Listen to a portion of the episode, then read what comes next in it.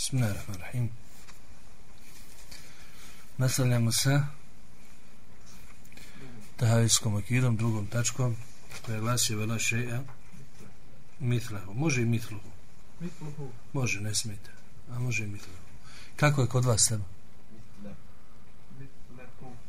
Mo, može i mitluhu, može mitluhu, ne smijete. Sve zavisi od analize. Ako kažeš mitluhu, onda kasnije drugačije, ali ne utiče to na značenje. Dobro. E, imali smo znači do sad naučiti onaj uvod prvu tačku i drugu tačku. Hoće li nam to neko ispričati sada? Onako čisto da razbijemo ovu hladnoću.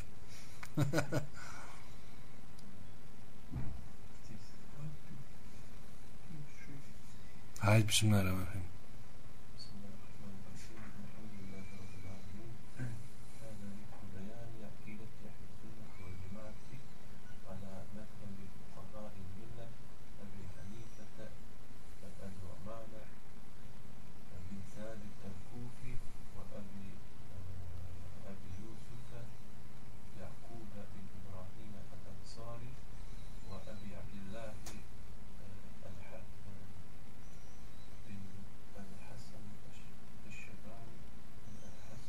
محمد بن الحسن الشيباني.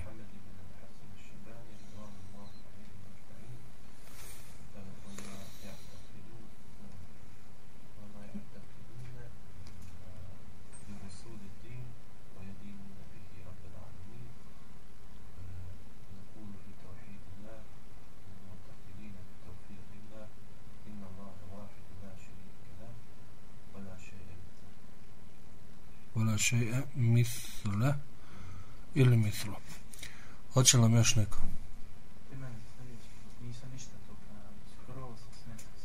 Dobro. Tefter tamo sljedeći put. Hajde. Hajde od okolo, evo sad ću ti on pa ti ponovi jedno. Zapinjem, da, Dobro. Hajde, sad će nam Saldudin sašvit kako Saldudin to teče.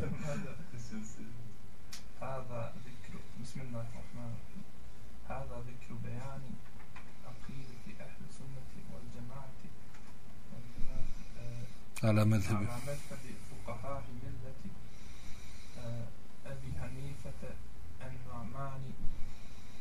ابن ثابت. ثابت الكوفي وأبي يوسف أبي يوسف يعقوب بن إبراهيم الأنصاري وأبي وأبي الحسن. لا ومحمد بن الحسن. ابن محمد. ابن الحسن الشيباني. الشيباني رضوان الله عليهم أجمعين. وما يعتقدون وما يعتقدون من أصول الدين. ويدينون به رب العالمين. رب. رب العالمين. نقول في توحيد نقول في توحيد الله معتقدين إن الله واحد إن الله واحد لا شريك لا شريك له ولا شيء ولا شيء مثله مم. dobro dobro ولا شيء مثله أو مثله šta to znači ništa nije kao on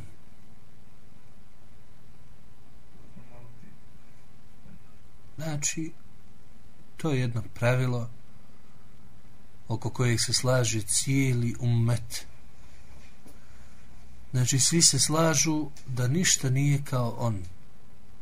Osim nekih koji su zbilja malobrojni zalutali koji Allaha poistovjećivaju sa Allahovim odnosno sa svojstvima njegovih stvorenja ali je činjenica da kroz historiju ovog ummeta mnogo je više onih koji negiraju Allahova svojstva e, to je druga skupina takozvane al-mu'attile dok je mušebiha bilo veoma veoma malo kaže nam ovdje autor اتفق أهل السنة على أن الله ليس كمثله شيء Ehlu sunnet se slaže da ništa nije kao Allah. U njegovom biću, u osobinama, u dijelima i tako dalje. A ovo velaše emitlu dokaz za tu tvrdnju je ajet koji se smatra temeljnim ajetom u poglavlju imena i svojstava lejse ke mitlihi šeji wa huwa samiul basir. Ništa nije kao on.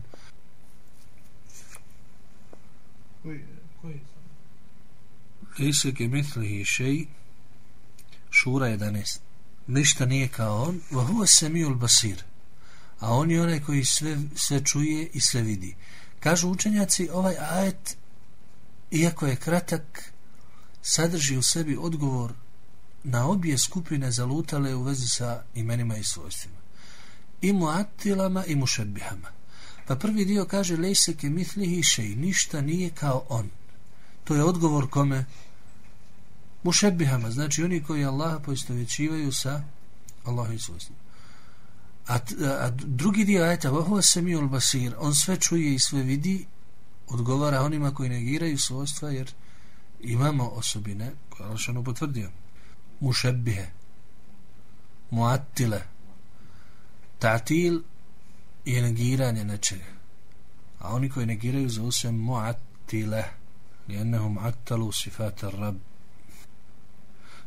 imamo ovdje dvije mesele prvo riječ tešbih riječ tešbih spominje se mušebih jeste primijetili Neki učenjaci smatraju da je bolje reći temthil i mumethil umjesto mušebih i tešbih.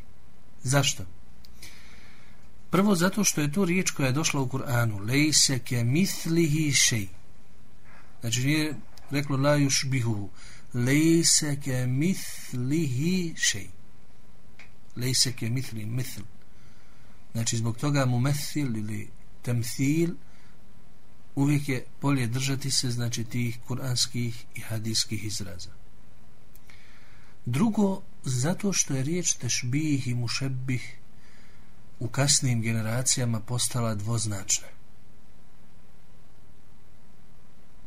Postala je dvoznačna. Sve znači dvoznačna. Koristi se u dva značenja. Prvo je ovo ispravno značenje što, kao što znači riječ mithel, iako nisu potpuno istog značenja. Jer mithel znači potpunu jednakost u svemu, a riječ tešbi znači jednako, jednakost u nekim dijelovima. To stoji u jezičkom smislu. Šta znači mithel? Mithl znači isto za isto, sto posto isto, apsolutno isto. A riječ tešbih, jušbih znači sličan u nekim stvarima, znači u nekim segmentima. Postoji sličnost, a ne mora znači da isto. To je razlika jezička između te dvije riječi.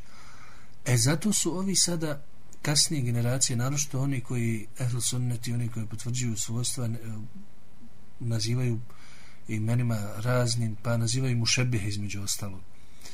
Znači, šta hoće da kažu? Sad, riječ ta tešbih i mušebih upotrebljava se za ljude koji potvrđuju Allahova svojstva. Znači, to u kasnim generacijama. I zato nam ovdje autor kaže lafzu tešbih kad sara fi kelabi nasi lafzan muđmela i bihi el mana sahih wa yuridu bihi mana al batil znači riječ tešbih i mušebih postalo je kod ljudi dvoznačno koristi se za ispravno značenje to je ovo što smo rekli negiranje poistovjećivanja Allahovih svojstava sa svojstvima stvorenja i drugo značenje ovo što smo rekli znači sad ko, ko, ko je potvrdio Allahova svojstva onako kako doliko je njegove veličine i kaže Allah se raduje kako doliko je njegove veličanstvenosti i veličini šta oni rade? Kažu to je mušebih to je čovjek koji posto vječuje Allah, neki ih nazivaju hašvije ili haševije. Čuli ste nekad taj izraz? Haševije, ko su haševije? haša znači nešto trpati, puniti i tako dalje. Znači bez neke selekcije uzimati, kao sad oni su imaju nekakvu selekciju šta će prihvatiti od, od svojstava ili ne a ovi trpaju sve što čuju. Znači nemaju neke selekcije ili nešto slično. Haševi. međutim to su sve pogodni nazive mogu se uvrstiti pod ajetu koji Malšanu kaže valate nabezu bil alqab. Nemojte se nemojte jedni drugi nazivati pogrdnim nadimcima u tom smislu i u tom kontekstu. E, prema tome to neispravno značenje svakako da se često pogotovo danas upotrebljava jer to imamo danas upotrebljava se na institucijama pa i u knjigama čuli ste ono salafizam, vahabizam, ostale, to se često termin taj upotrebljava. Čak i u nekim imam imaju knjigama, nažalost, prevodima, nekim u fusnotama, ovi dodaci kasnije pišu tako isto ima haševija, ima i ovi, ima i oni, iako se zna da su sve te stvari muđmel, a inače u akidi pravilo je da svaka riječ, svaki termin, izraz koji se može dvojako protumačiti, mora se naglasiti njegovo ispravno značenje. I zbog toga, to je drugi razlog zašto kažu neki učenjaci da treba koristiti riječ mithl, da bi se izbjeglo to, ta, da bi se izbjegla ta zloupotreba od strane nekih. Pa kažemo methile. Kontate to. Mm. Kaže nam ovdje evo jednu lijepu rečenicu ovaj naš komentator. فمن جعل صفات الخالق مثل صفات المخلوق فهو المشبه المبتل المذموم ومن جعل صفات المخلوق مثل صفات الخالق فهو نذير النصارى في كفرهم tako Allahove osobine poistovjeti sa osobinama stvorenja on je mušebih koji neistinu govori koji je pokuđen. Ako Allahove osobine odnosno ko osobine stvorenja poistovijeti sa osobinama stvoritelja on je poput kršćana u njihovom nevjerstvu i kufru. Je li to u redu? ajeti su naravno koji potvrđuju Allahove osobine i Allahove imena brojni su ja se nadam da će biti jedna prilika ako ovdje mi ćemo pokušati odraditi jednu knjigu od Ibnu Sejmina zove se pravila u vezi sa imenima i svojstvima, znači uzet ćemo neka osnova da imamo tu ideju i pravila u glavi, a najbolja knjiga koja je napisana u vezi sa imenima i svojstvima, a prevedena je na bosanski jezik, jeste Akidel Vasitije. Znači Vasitijska akida i možete je čitati onako kao dodatnu literaturu u tom poglavlju u vezi sa tim.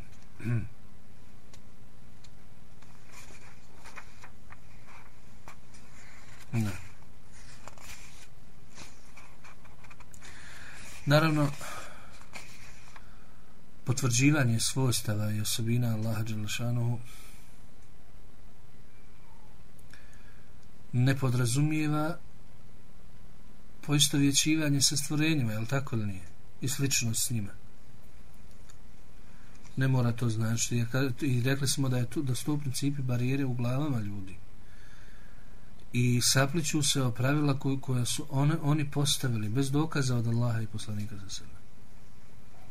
Jer ko je postavio pravilo da ako, ako, ako neko kaže da je Allah iznad Arša, da, da je isti kao stvorenje. Da, da je isti kao stvorenje. Odakle im to?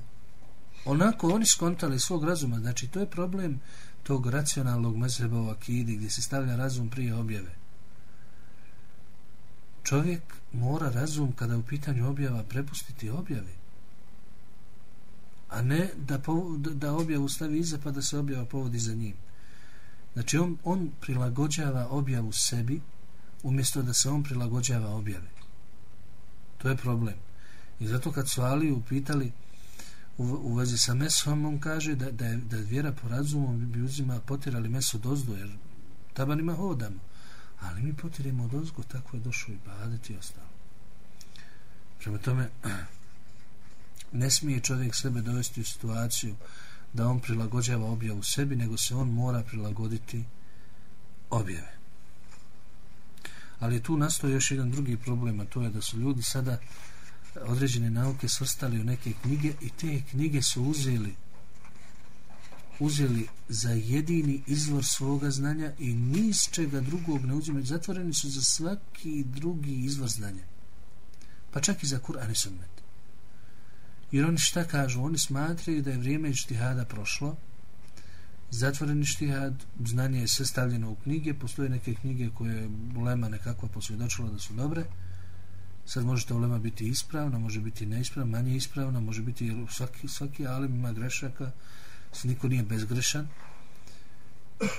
i na kraju sve se svede da oni ne izlaze iz okvira toga jer oni kažu šta, on je bio najučeniji on je to stavio i sigurno ima opravdanje zašto je to stavio iako je, ima neki ajet koji nije baš u, u skladu s tim, kaže on je sigurno našao neki izlaz, tako dalje. I neki se ne osvrću uopšte na ajete ili hadise, nego jednostavno imaju ta pravila nekako u knjigama, uče te knjige i to je to. Tako da, da je to donekle postavljena prepreka u tom smislu između njih i čistog izvornog Kur'ana. Vidjet ćemo da ljudi koji su na takav način pristupali znanju, kad su kasnije došli u situaciju u priliku da da dođu do izvornih tih znanja iz hadisa ili iz, iz promijeni se. Jednostavno ta, ta prepreka se sruši, ali neki ne daju i zato kaže Ibn Temije koji god je racionalista ovi što imaju taj, taj polemičar i ostalo. Dostigo vrhunac u tom znanju odrekao se toga. Od primjer Gazalija, Džuvejnija i ostali velikana u tim nekakvim racionalnim naukama i ostalo. Logici tam da. znači pred kraje života su toga se odrekli ima njiho, odrekli njihove izreke imaju zapisane. I knjige čak. I Gazali je napisao knjigu Tahafutul Felasife znači poticanja filozofa znači gdje su greške filozofa? I za njega kažu da je na kraj, pred kraj života pošto je bio tokom cijelog svog naučnog života udaljen od hadisa a pred kraj života je okrenuo se hadisu i tako dalje i zatekli su ga na samrti da, da je umro sa Buharijom čitajući Buhariju. Znači pred kraj života nego kaže Ibn Taymije najgori su oni polovični koji dođu do pola i misle da su u nečemu ne možeš odvratiti više i oni imaju još ne možeš im dogovoriti postoji tvrdoglavi u, tom svoj, u toj svojoj polovičnosti o znanju. I onda je problem s njima. A oni koji su na početku njih možeš i odvratiti preusmjeriti oni koji dođu do kraja sami spoznaju da to nije u redu. Ali oni koji su napola pogotovo koji ne idu dalje nego zadovolji se s onim što imaju nekakvom rutinom i to ide. E, s njima su problemi najviše ne možeš im dokazati, on su uporni, a pošto nemaju, obično ta nauka, taj takav pristup ide, ne, ne otvara srca ljudi, onoga stvrdnjava samo. I naći ćeš takve ljude da, su, da oni nemaju osjećaja ni za što.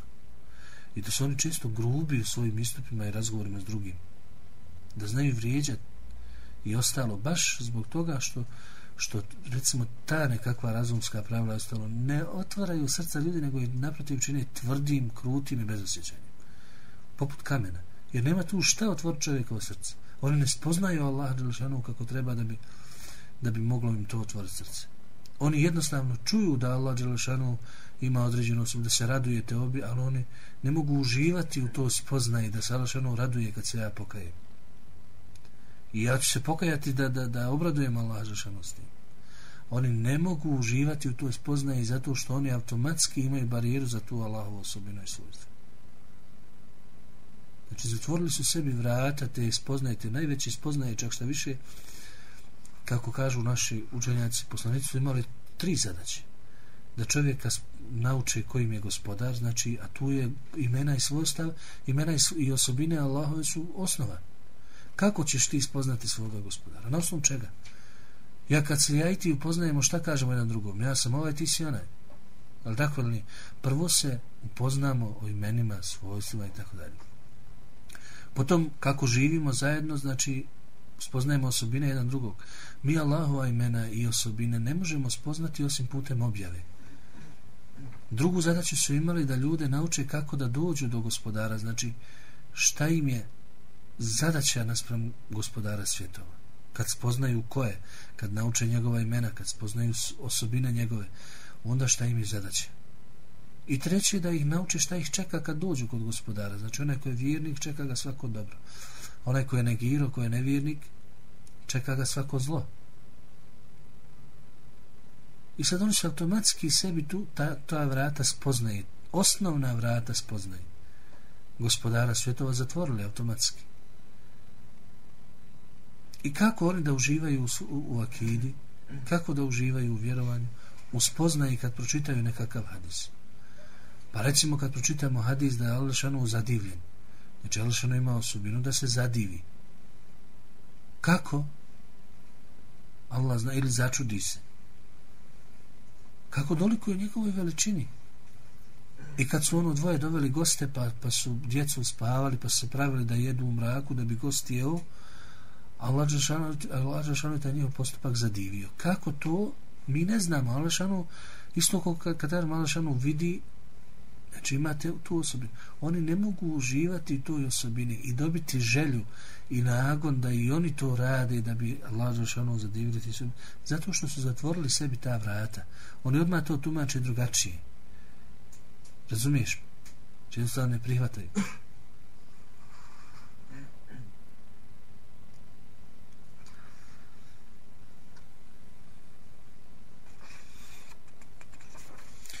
Mislim da ova tačka jasno, da ne duljimo u vezi s njom puno.